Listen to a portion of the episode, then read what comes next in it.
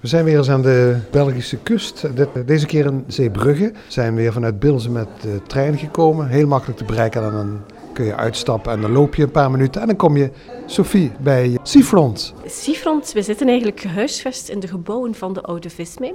Dus we zijn een themapark over zee, zeevaart, vis en visserij. Ik heb hier ook de brochure, Sophie, bij me liggen. Hier bij de entree, eh, als je naar binnen gaat.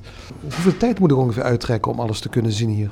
Ja, het is, eh, het is vrij groot, dus je moet toch gemiddeld een uh, tweetal uur rekenen om alles te bezoeken. Dus we zitten hier op de site van de oude vismijn.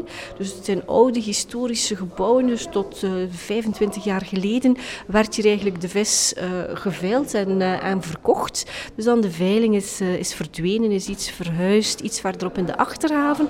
En toen is eigenlijk Seafront geboren. Dus we zijn onze roots trouw gebleven. Vandaar dat we het verhaal vertellen over zee, zeevaart, vis en visserij. En dat kan je hier eigenlijk bezoeken in de drie themahallen hier aan de jacht jachthaven in Zeebrugge. In een andere uitzending gaan we met jou uh, rondlopen. We gaan alles eens uh, proeven, letterlijk bijna. En mensen die in de sfeer willen komen, jullie hebben een website.